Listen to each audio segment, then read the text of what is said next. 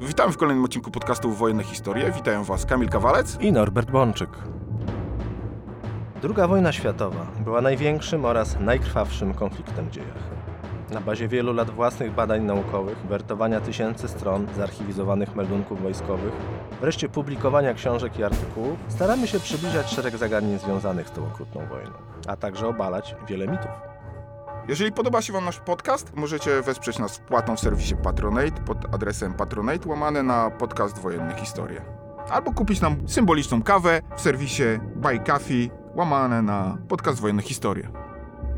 Norbert, rozmawialiśmy już o bitwie pod Kurskiem. W sumie jest to największa bitwa pancerna w czasie II wojny światowej, więc ciężko, żebyśmy nie wrócili do niej, tak jak dzisiaj będziemy wracali. Ale, a właśnie, może na samym początku wyjaśnijmy, czy to naprawdę była największa bitwa pancerna II wojny światowej, czy może jednak te legendarne Dubno w 1941 roku było większą bitwą niż Kursk? No to może tak po kolei, Kamilu. Zacznijmy od tego, że ciężko jest mówić o istnieniu bitwy pancernej, jeżeli chcemy być tak bardzo dokładni, bo jednak dzisiaj to się w ogóle mówi, że bitwa to jest starcie na poziomie związków operacyjnych, czyli żeby doszło do bitwy, to musi dojść do starcia na poziomie armii. No nawet jeżeli walczą ze sobą armie pancerne, to jednak mówimy tutaj o walce broni połączonych i ciężko mówić o bitwie czysto pancernej, no bo walczy piechota, walczy artyleria i tak dalej, i tak dalej. W związku z czym w ogóle pojęcie bitwy pancernej to jest pewne uogólnienie. Ale pozostając na poziomie właśnie tego uogólnienia, możemy powiedzieć, że zdecydowanie bitwa pod Kurskiem była o wiele większą bitwą pancerną niż starcie w rejonie Dubna, Brodów pod koniec czerwca 1941 roku na obszarze Wołynia. Przy czym musimy mieć świadomość, że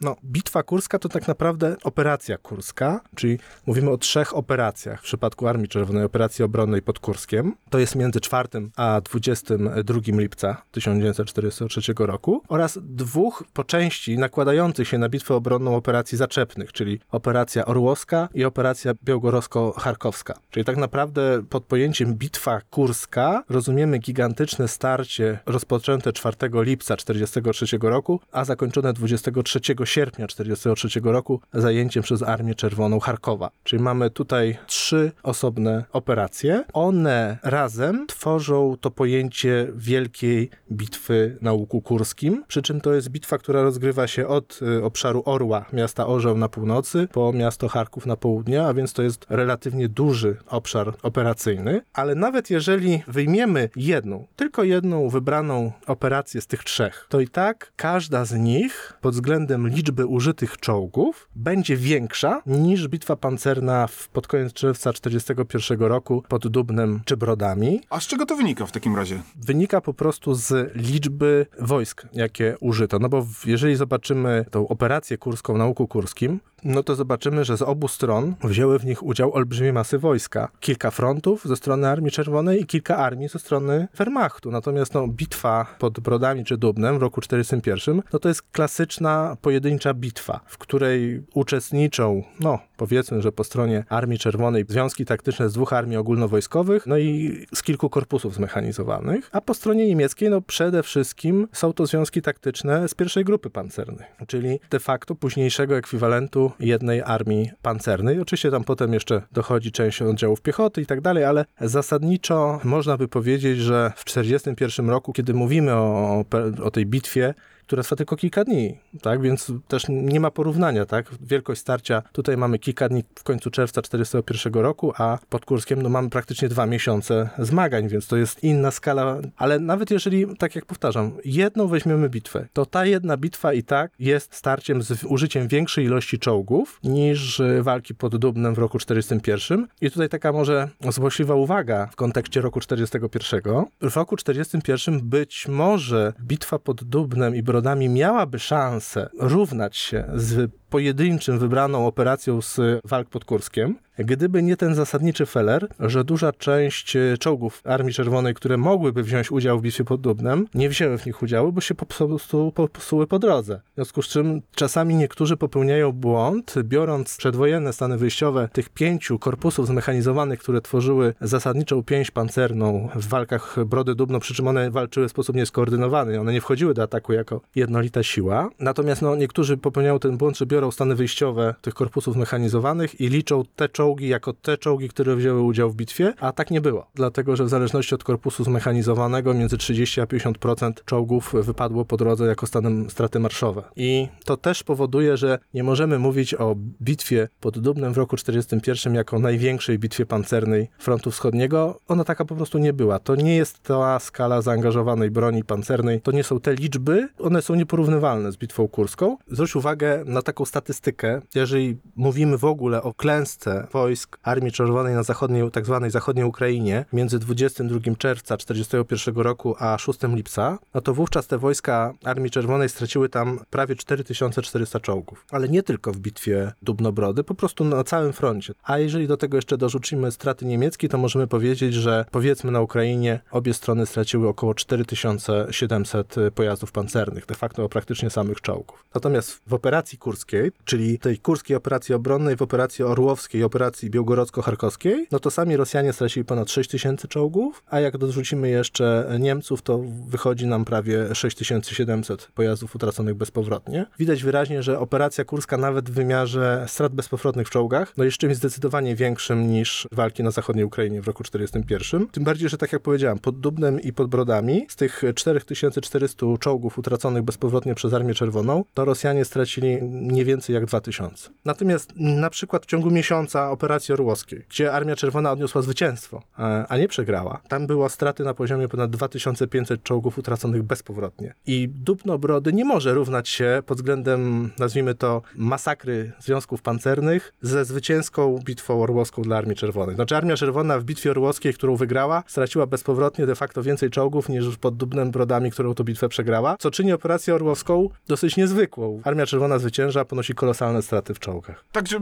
myślę, że chyba ostatecznie tutaj cyfry jednak pokazują, gdzie odbyła się największa bitwa pancerna. O ile możemy mówić o największej bitwie pancernej Znaczy, II wojny światowej. Tak, znaczy wiesz, no w, zasadniczo w bitwie pod Brodami można powiedzieć, że walczyło pięć radzieckich korpusów zmechanizowanych i pięć niemieckich dywizji pancernych. No i teraz porównajmy to z Kurskiem, gdzie po obu stronach było jednak zdecydowanie więcej e, sił, zarówno po stronie niemieckiej, jak i po stronie radzieckiej. No jeżeli e, mamy taką sytuację, że w bitwie pod Kurskiem uczestniczyło już nie w pięć korpusów zmechanizowanych po stronie Armii Czerwonej, tylko na przykład uczestniczyło pięć armii pancernych. Do tego korpusy samodzielne, pułki, brygady, etc.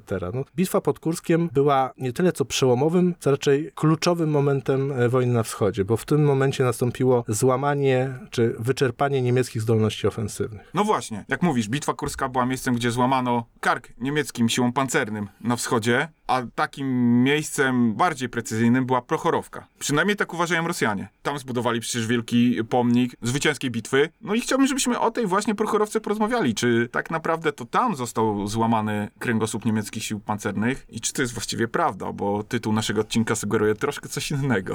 No, oczywiście, że sugeruje troszkę coś innego, dlatego że Prochorowka jest mitem, a właściwie jest rodzajem historycznego oszustwa. Prochorówka jest, y, można by powiedzieć, historycznym oszustwem do kwadratu, bo to nie jest tylko oszustwo na zasadzie stwierdzenia nieprawdy, że pod Prochorowką złamano kręgosłup niemieckich wojsk pancernych, bo pod Prochorowką nie złamano kręgosłupu niemieckich wojsk pancernych. Ale przede wszystkim Prochorowka nie była również nawet kluczowa dla bitwy pod Kurskiem. Mało tego, dla złamania, wyczerpania niemieckiego potencjału pancernego Prochorowka w ogóle nie miała żadnego znaczenia pod Kurskiem. I poniekąd rozumiem to, poniekąd jest to zagadką, dlaczego akurat Rosjanie wybrali właśnie Prochorowkę, gdzie dostali lanie. Dlaczego wybrali miejsce swojej może nie klęski, ale kompromitującej porażki jako symbol swojego zwycięstwa. Ja to poniekąd oczywiście rozumiem. Potrzebny jest jakiś symbol, mit, ale w bitwie pod Kurskiem można znaleźć kilka naprawdę o wiele lepszych miejsc, które powinny zostać upamiętnione jako przykład zwycięstwa. Jako przykład, gdzie rzeczywiście Niemcy dostali baty. Pod Prochorowką nic takiego nie miało miejsca.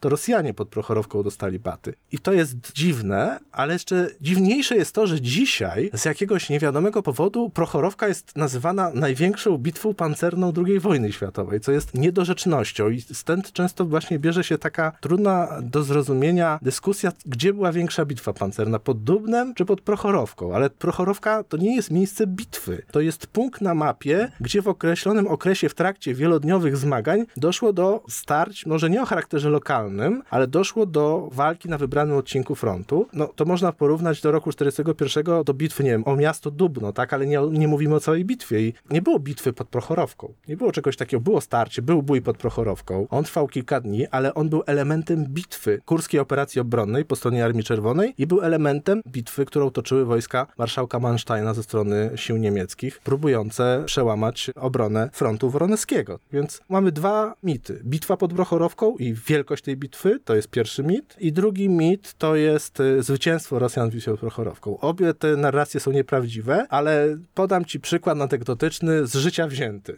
Podręcznik do historii, ósma klasa szkoły podstawowej. Autentycznie, sprzed dwóch lat. Uczeń ma na egzaminie trzy pytania ABC. Zaznacz, gdzie była największa bitwa pancerna II wojny światowej. A Kursk, B Prochorowka. Dziecko zaznacza prawidłowo Kursk. Nie zostaje to pytanie zaliczone, bo odpowiedź prawidłowa według szablonu to jest Prochorowka. I to jest polska edukacja na poziomie ósmej klasy szkoły podstawowej. Mit silniejszy od prawdy. No właśnie, to zacznijmy wyjaśniać ten mit w takim razie. Powiedzmy, jak starcie pod Prochorowką komponowało się w ramach bitwy pod Kurskiem, czyli zacznijmy od początku po prostu, jak do tego doszło. Zacznijmy od tego, mm, że bitwa pod Kurskiem, a właściwie pierwsza faza bitwy pod Kurskiem, czyli niemiecka operacja zaczepna o kryptonimie Cytadela, ona miała dwa kleszcze, północny i południowe kleszcze i te silniejsze uderzenie miały wyprowadzić wojska niemieckie od południa, z rejonu Charków-Białgorod, w bezpośrednim kierunku na Kursk, ale przede wszystkim w pierwszej kolejności trzeba było opanować rejon miasta Obojan i przekroczyć w tym wypadku dosyć istotną rzekę Psioł. To było z punktu widzenia wojsk niemieckich skoncentrowanych na południu zadanie bliższe, wiadomo, zadanie dalsze, osiągnąć Kursk, zamknąć Rosjan w kleszczach, spotkać się z idącą od północy drugą grupą wojsk niemieckich opartą o dziewiątą armię pod dowództwem generała Modela,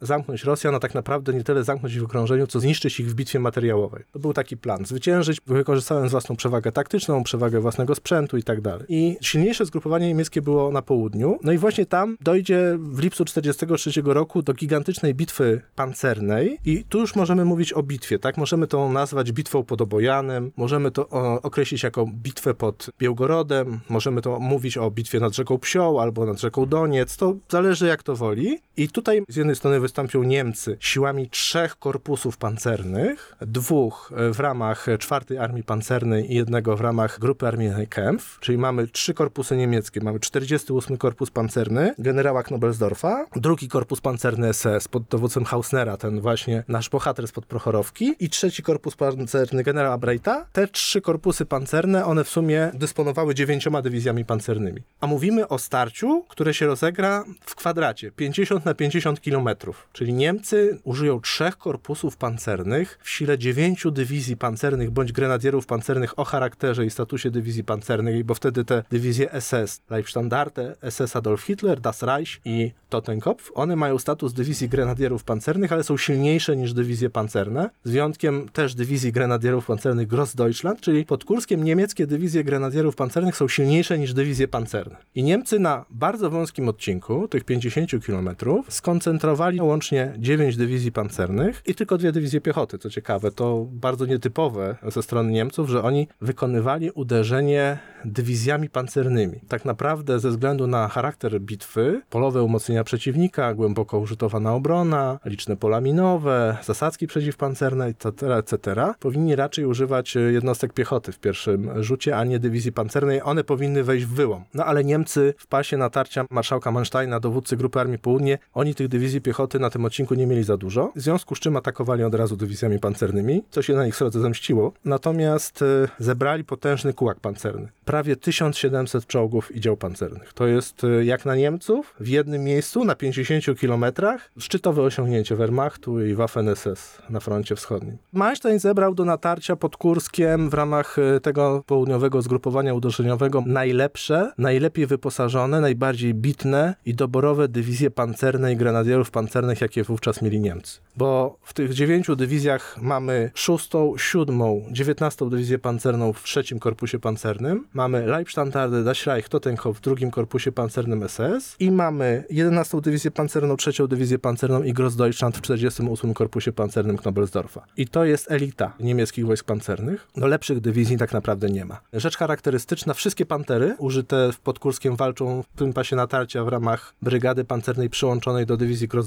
ale na przykład taka ciekawostka, nie mamy tam Ferdynandów, bo one walczą na północy w pasie 9 Armii. To też trzeba pamiętać, w jednym miejscu pod Kurskiem nigdy nie Pantery i Ferdynandy w tej w pierwszej fazie operacji nie miały okazji wziąć wspólnie udziału w walkach. Natomiast to jest elita, to jest potężne zgrupowanie. 1700 czołgów i dział pancernych ma atakować na szerokości 50 km, ale jest jeden haczyk. Problem polega na tym, że 48 i cz- i drugi SS atakują na północ, a trzeci korpus pancerny najpierw musi zaatakować na wschód, sforsować Doniec. I on walczy z siódmą armią gwardii, Armii Czerwonej, natomiast te dwa korpusy, ich pierwszym przeciwnikiem jest y, szósta armia gwardii. Biorąc pod uwagę taką koncentrację sił niemieckich, Manstein mógł być pewien przełamania radzieckiej obrony. Tak mogło mu się wydawać, bo dostał wszystko, co miał najlepsze. Nie tylko dostał najlepsze dywizje pancerne, ale też dostał ósmy korpus lotniczy, który do tej pory w latach 40-43, on niemiecki ósmy korpus lotniczy to była ta główna siła ofensywna bezpośredniego wsparcia pola walki dla, ze strony Luftwaffe dla wojsk lądowych. Tam, gdzie był punkt natarcia, szwerpunkt, punkt ciężkości niemieckiej ofensywy, tam latały samoloty bombowe i szturmowe ósmego korpusu. Manstein dostał ósmy korpus w pas natarcia. Dostał też bardzo silną artylerię. Tylko, że Niemcy nie mieli odwodów operacyjnych. Manstein wystawił wszystko w pierwszej linii. Był jeszcze jeden 24 Korpus Pancerny w pasie Grupy Armii Południe, ale Manstein go nie dostał od razu, on był relatywnie słaby. Kłócił się ze swoimi przełożonymi, czy może go używać, czy nie. W związku z czym Niemcy wystawili dziewięć potężnych, naprawdę silnych dywizji w pierwszym rzucie,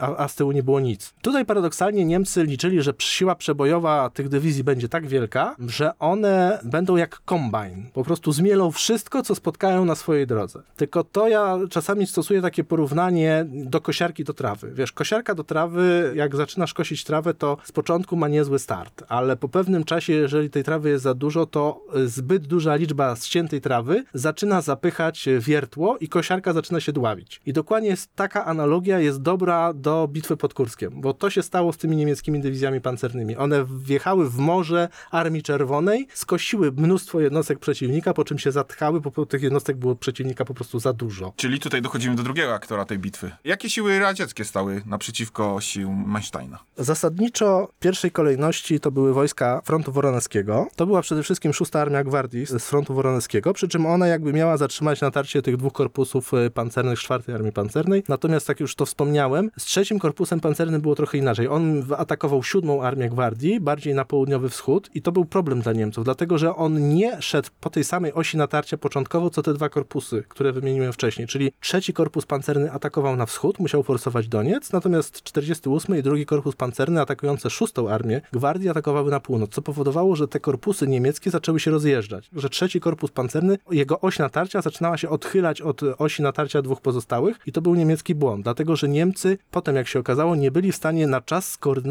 działanie wszystkich trzech korpusów. I to doprowadziło do de facto porażki ich w bitwie pod Kurskiem, a właściwie w operacji Cytadela, jeśli mówimy o przełamywaniu frontu radzieckiego. Ale zapytałeś o te siły przeciwnika. Ta szósta armia gwardii to była pierwsza linia obrony tak naprawdę, bo z tyłu były odwody i frontu woronowskiego i frontu stepowego. Rosjanie założyli, że najpierw zmęczą przeciwnika na swoich pozycjach obronnych, wyczerpią jego impet uderzenia, zadadzą mu duże straty, przede wszystkim wyeliminują dużą liczbę piechoty i czołgów przeciwnika przez zasadzki przeciwpancerne i przez pola minowe. Powiedziałem, że Manstein przygotował 1700 czołgów. To jest potężna liczba. Właściwie nigdy, nigdzie Niemcy, no oczywiście poza koncentracją we Francji w roku 40, ale właściwie nigdzie Niemcy na jednym kierunku operacyjnym nie, nie komasowali tak potężnych e, sił. No można to jeszcze porównać do ataku dwóch grup pancernych w czerwcu 1941 roku na Białorusi, ale tu mówimy o 50 kilometrach. To nie mówimy o kwestii operacyjnej, raczej taktycznej. Dlatego to jest największa bitwa pancerna, bo na 50 kilometrach Niemcy zebrali 1700 czołgów i dział pancernych. Natomiast e, Rosjanie zamierzali ich zatrzymać innymi w pasie natarcia Mansteina położyli no skromne 200 tysięcy min, więc e, no, byli świetnie przygotowani. Często się mówi, że bitwa pod Kurskiem to jest bitwa na stepie. Nie. To zresztą doskonale widać dzisiaj też w walkach na Ukrainie. Znaczy tam też występuje step, ale tam jest mnóstwo rzek, mnóstwo bagien, jarów, parowów, lasków. To jest teren, który się świetnie nadaje do zatrzymywania natarcia broni pancernej, bo tam jary i parowy tworzą naturalne rowy przeciwpancerne. Rosjanie jeszcze pobudowali tysiące kilometrów dodatkowo rowów przeciwczołgowych, tak jak powiedziałem, położyli setki tysięcy min i przeciwpancernych, i przeciwpiechotnych. Nasycili pole walki olbrzymią ilością armat przeciwpancernych. Szósta Armia Gwardii miała zatrzymać to czołowe uderzenie wojsk Mansteina, a z tyłu stały dodatkowe dywizje strzeleckie, brygady pancerne odwodowe. Front Wolenski miał zatrzymać natarcie Mansteina, wyczerpać je, a potem wojska frontu stepowego, odwodowego frontu miały wykonać przeciwuderzenie i zniszczyć przeciwnika. Czyli najpierw Rosjanie założyli, że będą się bronić, wykrwają przeciwnika na pierwszej, no góra drugiej linii obrony, po czym wykonają przeciwuderzenie. I to żywcem przypomina ich założenia z roku 41, że Niemcy uderzają pierwsi, my ich zatrzymujemy, po czym wykonujemy przeciwuderzenie. Tylko, że Rosjanie myśleli, że ten gigantyczny, potężny taran Mansteina zdołają w miarę szybko wyczerpać, no nie docenili jego potężnej siły uderzenia. Ale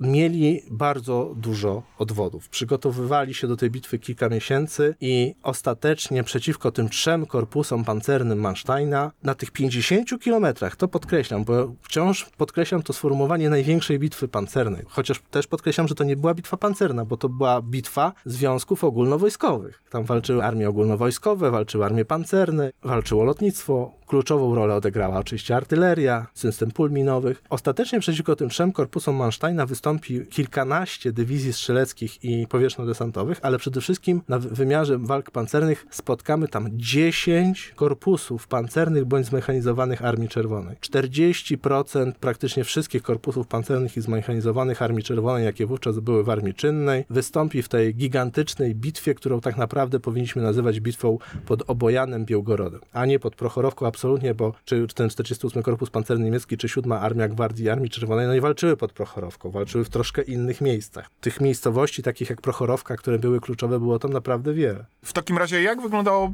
te potężne natarcie niemieckich sił? Kiedy się zaczęło i jak przebiegało? Manstein zaatakował na wybranych kierunkach już 4 lipca, więc bitwa pod Kurskiem tak naprawdę zaczęła się 4 lipca, a nie 5 lipca. Główne uderzenie wyszło 5 lipca i tutaj pierwsze trzy dni są dosyć istotne, 5, 6, 7 lipca, dlatego że wówczas Niemcy przełamali pierwszą linię oporu Armii Czerwonej, tak naprawdę wstrząsnęli pozycjami 6 Armii Gwardii i uświadomili Rosjanom, że ta ich koncepcja taka, nazwijmy ją optymistyczna, że już 6 Armia Gwardii będzie w stanie zatrzymać natarcie nieprzyjaciela, że ta koncepcja całkowicie się posypała. Niemcy wbili się w ciągu pierwszych 72 godzin natarcia 20-30 kilometrów w głąb y, ugrupowania Armii Czerwonej. Zadali bardzo ciężkie straty dywizjom strzeleckim, które broniły pierwszej linii, ale co ciekawe i co charakterystyczne jest to, że gwałtowne wzmacnianie pierwszej linii oporu, a potem kiedy te oddziały musiały się wycofywać na kolejne pozycje tyłowe, dążenie do jak najszybszego zatrzymania natarcia przeciwnika, czyli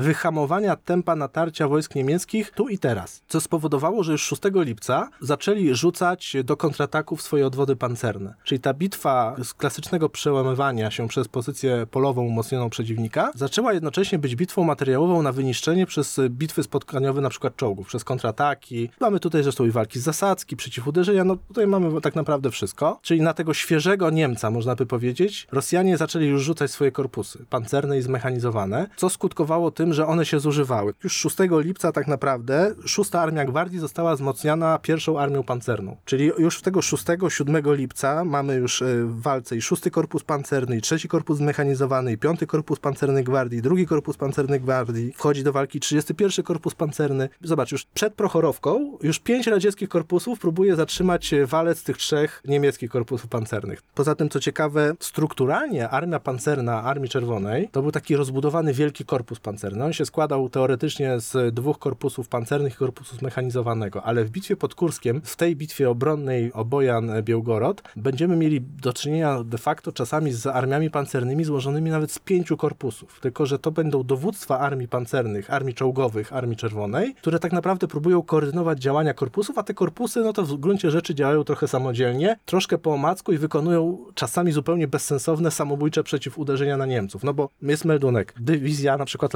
Leibstandarte przełamała pozycję obronną dywizji strzelców, wykonać przeciwuderzenie w celu uzyskania pozycji. Co robią Rosjanie? No ich brygady pancerne i zmechanizowane z drugiego rzutu wychodzą na przeciwuderzenie. Niemcy rozstrzeliwują te brygady, one odchodzą z ciężkimi stratami, ponawiają ten atak po raz drugi, po raz trzeci. Można porównać Niemców do wiertła udarowego w wiertarce, a Rosjan do kolejnych dokładanych cegieł, czyli to wiertło przechodzi przez jedną cegłę, to Rosjanie dokładają drugą cegłę, trzecią cegłę, żeby stępić i w końcu zatrzymać to wiertło. Nie próbują jakichś bardzo wysublimowanych operacji na zasadzie, nie wiem, odejdziemy na dużą odległość, spróbujemy poradzić przeciwnika jakimś bardzo skomplikowanym manewrem. Bitwa zamienia się po prostu w gigantyczne, totalne starcie na wyczerpanie, wielką bitwę materiałową. A z czego wynikało to rosyjskie toporne de facto podejście do taktyki walki? Znaczy, Rosjanie chcieli za wszelką cenę zatrzymać przeciwnika niemal na pozycjach wejściowych. Nie pozwolić mu przełamać własnych głównych linii obronnych i nie pozwolić mu nadać e, bitwie charakteru manewrowego. Te korpusy pancerne zaczynają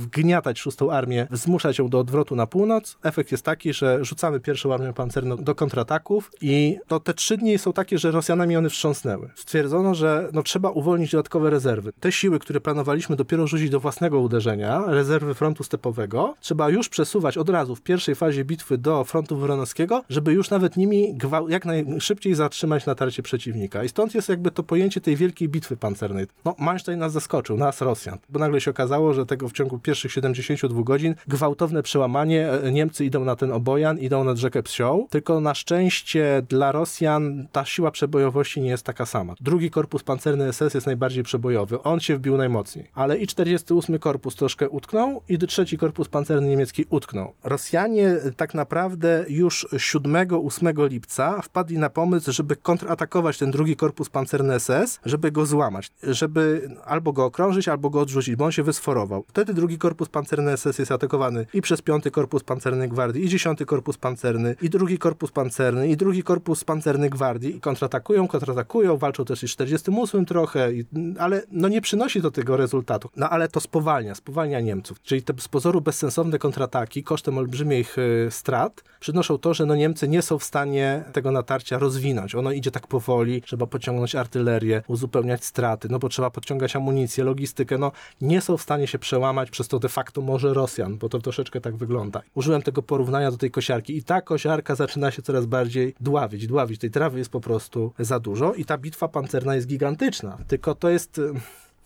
y, to jest taka bitwa, w której no, Niemcy mają znaczącą przewagę, bo mają czołgi takie jak Panzer IV, mają sztugi, mają e, tygrysy, nawet mardery. To są wszystko pojazdy bojowe, które mają armaty, które są w stanie niszczyć większość radzieckich czołgów, zanim te czołgi radzieckie będą w stanie nawiązać skuteczną walkę, bo no, podstawowy czołg radziecki to jest T-34-76 pod Kurskiem i jeszcze relatywnie dużo walczy czołgów lekkich T-70. Niemcy mają przewagę zasięgu ognia, co powoduje, że te straty Rosjan są duże, ale te korpusy tymi kontratakami zaczynają tych Niemców wyczerpywać. One nie są w stanie może zniszczyć wiele czołgów, o tym za chwilę jeszcze powiemy w kontekście bitwy pod Kurskiem, ale powodują uszkodzenia, powodują straty w piechocie, powodują utraty tej miękkiej siły Niemców, nawet jeżeli liczba niemieckich zniszczonych czołgów jest relatywnie niewielka. No to z tego, co mówisz, y, że już wcześniej potężne radzieckie siły uderzają na te niemieckie korpusy, no to w takim razie skąd ten mit Porchorowki? Prochorowka urosła do rangi symbolu po stronie rosyjskiej, nie po stronie niemieckiej. Dlatego, że jak w ciągu tych pierwszych 72 godzin Rosjanie się zorientowali, że szósta armia gwardii, nawet wzmocniona pierwszą armią pancerną, ona chyba nie wytrzyma tego uderzenia. Pierwotna koncepcja im się posypała, to zapadła decyzja, że trzeba uruchomić rezerwy, trzeba wprowadzić do walki drugi rzut operacyjny i tutaj na linii rzeki Psioł musi się bronić piąta armia gwardii. Czyli jeżeli szósta armia gwardii nie wytrzyma, to na północ od niej, na linii tej strategicznej w tym momencie niewielkiej rzeki Psioł, wprowadzają Rosjanie piątą armię gwardii, czyli tworzą drugą główną linię obrony, a jednocześnie planują wykonać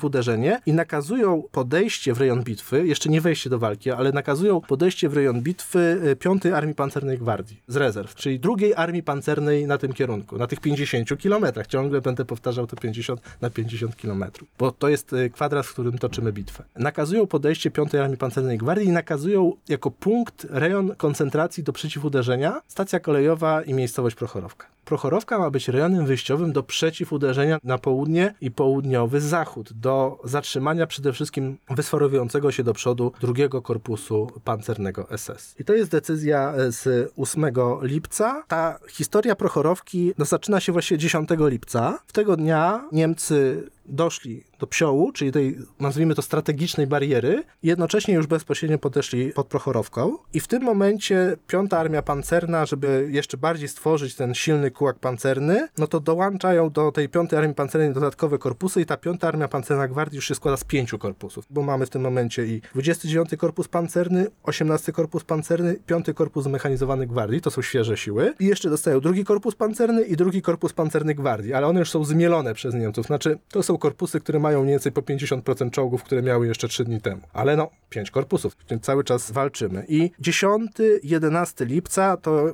powolne podchodzenie Niemców pod Prochorowkę oraz walki o zdobycie e, przyczółków nad rzeką Psioł. I tu znowu mamy taką sytuację. Pod samą Prochorowkę to właściwie idzie tylko Leibstandarte SS Adolf Hitler, jedna dywizja, bo ten korpus pancerny SS to zaczyna się troszeczkę tak rozchodzić wachlarzem. Das Reich walczy na prawym skrzydle, bardziej południowym, a Totenkopf właśnie próbuje sforsować Psioł. Czyli tak naprawdę najważniejsze z punktu widzenia Niemców zadanie realizuje dywizja Totenkopf, a nie Leibstandarte. Natomiast z punktu widzenia Armii Czerwonej kluczowe jest zatrzymanie właśnie Leibstandarte pod Prochorowką, bo tam dojdzie do boju z Piątą Armią Pancerną Gwardii, tego kluczowego, tego symbolicznego boju, który wcale się dla Rosjan dobrze nie skończy. I 12 lipca Piąta Armia Pancerna Gwardii i Piąta Armia Gwardii, czyli jakby ten drugi rzut, wykonują przeciwuderzenie. Piąta Armia Gwardii to przede wszystkim stara się zatrzymać Niemców na linii rzeki Psioł, natomiast Piąta Armia Pancerna Gwardii wykonać przeciwuderzenie e, z rejonu Prochorowki w boju spotkaniowym przeciwko dywizji Leibstandarte, która idzie naprzeciwko, nacierając na północny zachód. No i tego 12 lipca dochodzi do starcia pancernego. No przede wszystkim walczą po stronie rosyjskiej 18 i 29 Korpus Pancerny, no i częściowo również 5 Korpus Zmechanizowany Gwardii, no i inne pododdziały. Jednocześnie w tym samym czasie obok mamy bitwę 3 Korpusu Pancernego i 48 Korpusu Pancernego z innymi oddziałami radzieckimi. I to wszystko na tych 50 kilometrach. A Prochorowka jest tylko jednym z drobnych elementów, nawet nie kluczowym, bo zatrzymanie, ograniczenie przyczółka Totenkofu nad rzeką Psioł, walki w pasie 5 Armii Gwardii operacyjnie są nawet ważniejsze niż y, starcie czołgów pod Prochorowką. W takim razie, co się stało pod Prochorowką tego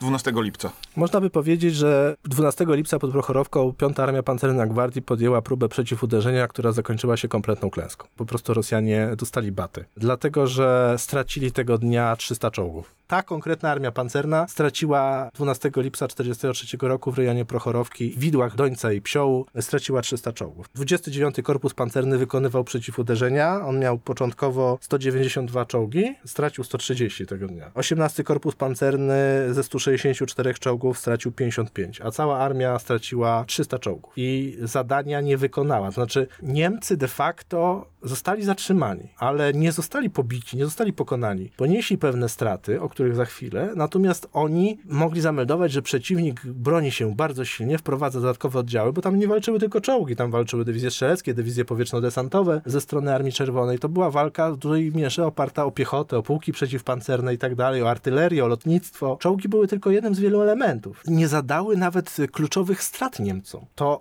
artyleria ciężka artyleria radziecka zadała Niemcom największe straty i w bitwie, tak zwanej bitwie pod Prochorowką, największe straty poniosła dywizja, która właściwie y, uczestniczyła tylko trochę w tej bitwie, czyli dywizja Totenkopf. Tylko, że ta dywizja Totenkopf nie straciła dużo czołgów, tylko przede wszystkim straciła dużo żołnierzy i nie od kontrataków korpusu pancernych RKK, tylko od ciężkiej artylerii przeciwnika, która okładała ich przyczółek nad Psiołem, bo dywizja Totenkopf sforsowała Psioł i stworzyła przyczółek na północnym brzegu. I to był ten punkt, który najbardziej przerażał Rosjan. I tam waliła na przeciwnika ciężka artyleria przeciwnika i, i Totenkopf ponosił największe straty w ludziach. Natomiast Leibstandarte no, nie osiągnęła kolejnego etapu działań zaczepnych, ale też i nie została pobita w żaden sposób. Rosjanie nie wygrali tego starcia w żaden sposób. Niemcy nie oddali im terenu. No, walka o to, że Rosjanie odbili jakiś kołchoz czy jakąś wieś, z punktu widzenia samej bitwy była bez znaczenia, bo wielokrotnie jakieś kołchozy się przechodziły z rąk do rąk, a koniec końców Niemcy i tak wbili się na 50 kilometrów w pozycję 6 Armii Gwardii i trzeba było wprowadzać 5 Armię Gwardii, żeby w ogóle ich jakoś zatrzymać i tym samobójczym kontratakiem 5 Armii Pancernej Gwardii w jakimś zakresie próbować zatrzymać Niemców. Ale po wojnie Rosjanie sobie, nazwijmy to, ubzdurali,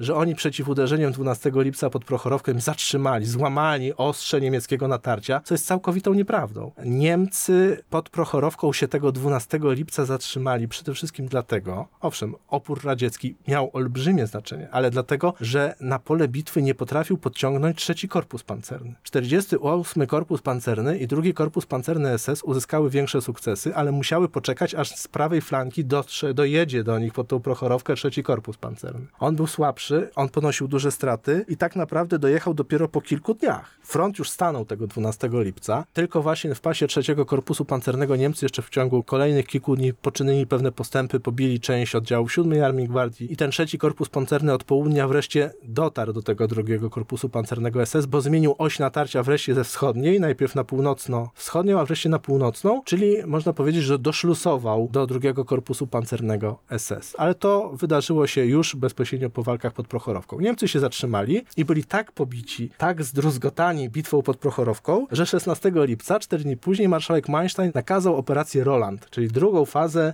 natarcia o ograniczonych celach. Chodziło o to, żeby w ogóle zrolować całą radziecką obronę na południe od rzeki Psioł, na południe od Obojana. Czyli Niemcy tak przegrali bitwę pod Prochorowką, że Manstein planował kolejne operacje zaczepne. Czyli tak z tego, co mówisz, to wychodzi na to, że tak naprawdę Niemcy zatrzymali się tylko po to, żeby wziąć głębszy oddech i za chwilę ruszyć dalej. Rzeczywiście, Manstein chciał, jak to powiedziałeś, wziąć drugi oddech i atakować dalej. Tylko wydarzenia pod Orłem i wydarzenia na rzeką Mius na południe, czyli setki kilometrów od Prochorowki, zdecydowały, że nie mógł realizować operacji Roland. Innymi słowy, to nie samobójczy kontratak 5 Armii Pancernej Gwardii, czy skrwawienie korpusów 1 Armii Pancernej przed Prochorowką zatrzymało ten taran pancerny niemiecki, tylko wydarzenia na zupełnie innych kierunkach. To tylko może zaznaczmy, co tam się wydarzyło. Okazało się, że prawe skrzydło, to skrzydło Grupy Armii Południe, które w ogóle nie brało udziału w bitwie pod Kurskiem, zostało zaatakowane przez radzieckie oddziały i było przełamanie, trzeba było ratować front na południu, trzeba było zacząć wycofywać oddziały spod Białgorodu, wysyłać na południe, żeby ratowały front. Pod Orłem stało się to, że po prostu na tyły 9 Armii Niemieckiej, która nacierała pod Kurskiem, na południe w kierunku na Kursk, wojska Armii Czerwonej przełamały się przez pozycje niemieckie, wyszły im na tyły i też trzeba było po prostu operację odwoływać, bo nie pod Kurskiem, tylko gdzie indziej Rosjanie zaczęli odnosić sukcesy i Niemcy musieli przerwać własną operację zaczepną i wycofywać spod Kurska własne siły. I to było takie wielkie zwycięstwo Armii Czerwonej, zwłaszcza pod Prochorowką, bo rzeczywiście na północy, no to Niemcy się znacznie gorzej spisali, natomiast tu na południu, no Manstein nie został w żaden sposób zwyciężony. On gwałtownie zaatakował. Po tygodniu natarcia wyczerpała się jego pierwsza siła ofensywna, ale mógł naprawić, wyremontować czołgi, pociągnąć artylerię, pociągnąć amunicję. On mógł jeszcze walczyć. Manstein nie został zwyciężony pod Prochorowką. No właśnie, mówisz naprawić czołgi. To ile do tego czasu Niemcy stracili czołgów? To jest bardzo dobre pytanie, ale żeby dobrze na nie odpowiedzieć, to trzeba pewną taki niuans. Otóż, jak Niemcy liczyli straty swoich czołgów? W sumie można by powiedzieć, że bardzo podobnie jak Rosjanie, to znaczy mamy czołgi obezwładnione, które Rosjanie nazywali podbite, i mamy czołgi całkowicie zniszczone totalnie zniszczone. Rosjanie często mówili, że to są takie czołgi, które się spaliły. I cała ta potężna pięść Mansteina, te 1700 maszyn w tej gigantycznej bitwie, straty bezpowrotne to było około 250 czołgów z czego duża część to pantery w pasie 48 Korpusu Pancernego, bo jak rozmawialiśmy w innym z naszego podcastu, no nie wyszła bitwa pod Kurskiem tym panterom. Mimo, że ani jedna nie walczyła pod Prochorowką, to też wyraźnie podkreślmy. 250 czołgów, to jest relatywnie niedużo, to są straty bezpowrotne, ale Niemcy mieli bardzo dużo pojazdów uszkodzonych, które po prostu odholowali do warsztatów remontowych. Czyli tak jak Rosjanie mówili o nich, obezwładnionych. Tak, obezwładnionych. I kiedy analizujemy tą pierwszą fazę bitwy pod Kurskiem, nie jest ważne, ile Niemcy stracili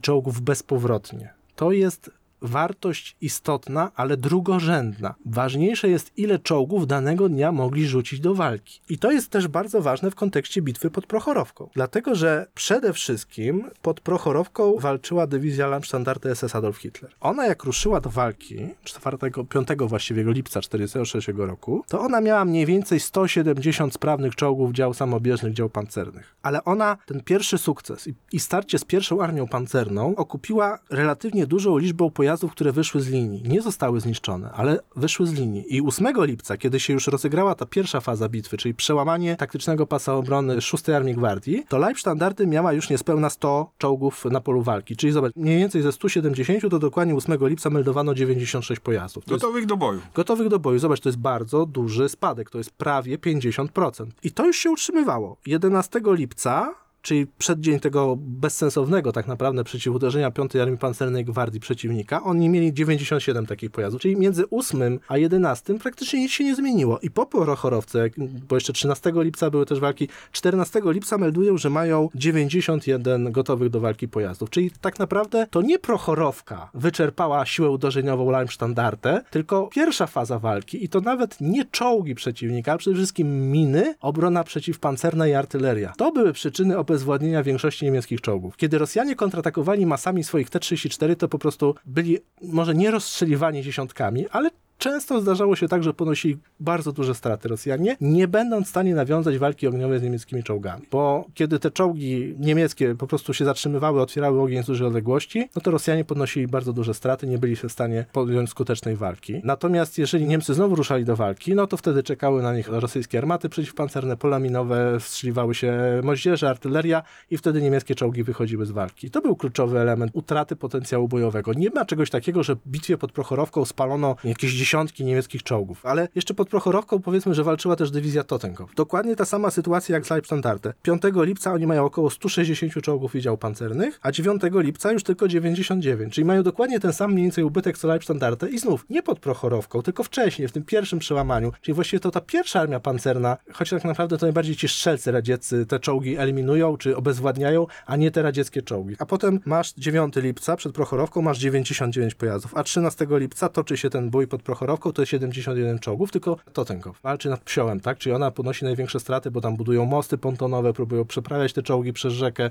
No tam jest naprawdę wielkie piekło. Tylko chciałbym, żebyśmy wyjaśnili dokładnie naszym słuchaczom, dlaczego cały czas ta ilość czołgów się utrzymuje. Że jest tak, że część wróciła z naprawy, część poszła do naprawy. Tak, tak, bo to jest. na takiej zasadzie. Tak, dokładnie. Chodzi o to, że po prostu największy, bo to jest rotacja, ciągła rotacja. Na przykład y, niektóre tygrysy, Leibstandarte, w ciągu tygodnia walk pod Kurskiem zostały obezwładnione na przykład 20 razy. W ciągu 12 dni 20 razy czołg wyszedł z linii i wracał 19 razy czy 21 razy z powrotem do tej walki, często już z nową załogą, z zaspawanymi otworami i tak dalej, z wymienionymi kołami, etc., etc. Czyli mamy rotację, ale największe straty to jest ta pierwsza faza, to pierwsze 72 godziny, a potem ta gotowość bojowa utrzymuje się mniej więcej na zbliżonym poziomie. No w Totenkopie jeszcze spada ze względu na te mordercze walki nad rzeką Psią, ale jak weźmiemy statystyki strat bezpowrotnych, to 23 lipca, no bo jeszcze dodajmy rzecz kluczową w kontekście walki pod Prochorowką. Rosjanie wykonali przeciwuderzenie pod Prochorowką 12-13 lipca. Niemcy no nie posuwali się już do przodu, ale też nie cofnęli się. Oni zostali pod tą Prochorowką i utrzymywali te pozycje do momentu, kiedy Manstein stwierdził, że no, na innych frontach źle się dzieje, musimy się wycofać. I dopiero tak naprawdę Niemcy zaczynają się wycofywać 18 lipca. Wtedy po prostu Totenkopf odchodzi za rzekę Psią i do 22 lipca de facto Niemcy wycofują się prawie na pozycje wyjściowe, ale oni się wycofują, bo tego chciał Manstein. Nie jest tak, że jakaś armia czerwona ich wyrzuciła, zepchnęła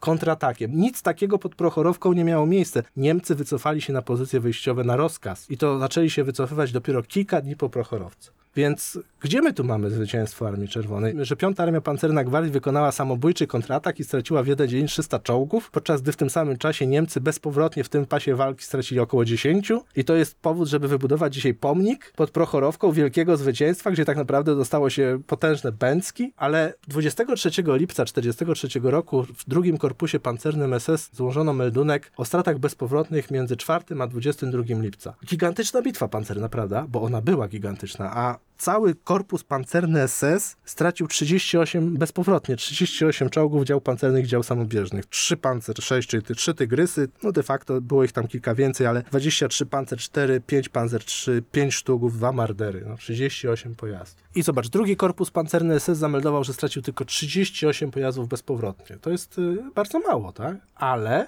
ale, zawsze jest jakieś ale, ale spośród wszystkich y, pojazdów, z którymi zaczynał ofensywę, 30% miał na prawach. Czyli kluczowym elementem było nie to, ile on czołgów stracił bezpowrotnie, tylko ile pojazdów wyszło z linii czasowo.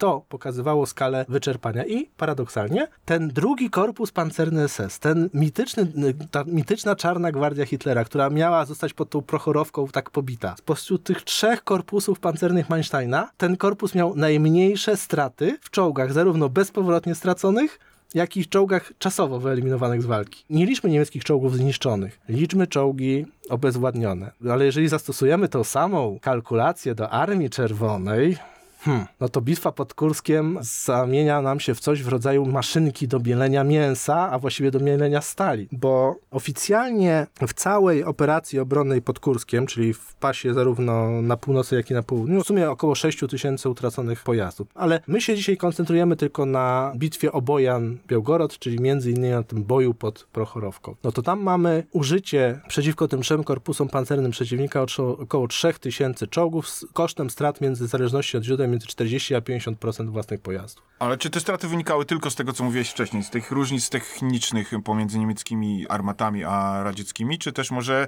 po prostu sposobu, czy taktyki walki? Przede wszystkim z taktyki walki. No bo gdyby Rosjanie stosowali wyłącznie obronę, no to czołgi T-34-76 walczące z zasadzki mogłyby zadawać czołgom przeciwnika znacznie wyższe straty, gdyby tylko się broniły. Natomiast Rosjanie nie chcieli się tylko bronić, oni chcieli przeciw uderzeniem odrzucić przeciwnika na pozycję wyjściową, stwarzając sobie warunki do własnej dalszej operacji zaczepnej. To im się nie udało. Oni wykonywali cały szereg bezsensownych kontrataków. Te kontrataki na najsilniejsze dywizje pancerne przeciwnika kończyły się po prostu masakrą. No, najbardziej symboliczne są takie dwa przeciwuderzenia. Jeden na północy Łuku Kurskiego, a drugi na południu, bo jak tylko Niemcy ruszyli, 5, 6, 7 lipca dokonali przełamania tych pierwszych pasów obrony i to było dla Rosjan wstrząsające. No jak to? No nie, musimy ich natychmiast zatrzymać. I wtedy wydano rozkazy o natychmiastowych przeciwuderzeniach korpusami pancernymi. I to było jak walenie głową w mur. Dlatego, że te korpusy pancerne wykonywały szarże na silniejszego przeciwnika, który miał lepsze armaty i lepszą taktykę i po prostu były rozstrzeliwane. No, pod Prochorowką to jest przede wszystkim ten kasus 29